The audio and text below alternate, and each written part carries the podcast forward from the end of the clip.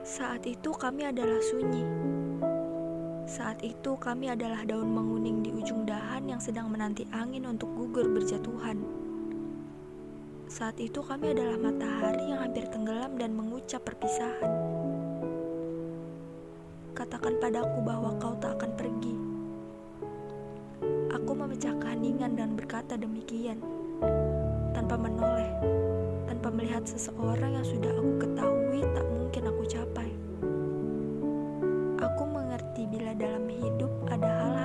bisa dihindari. Aku pun mengerti bila akan sampai pada momen ini.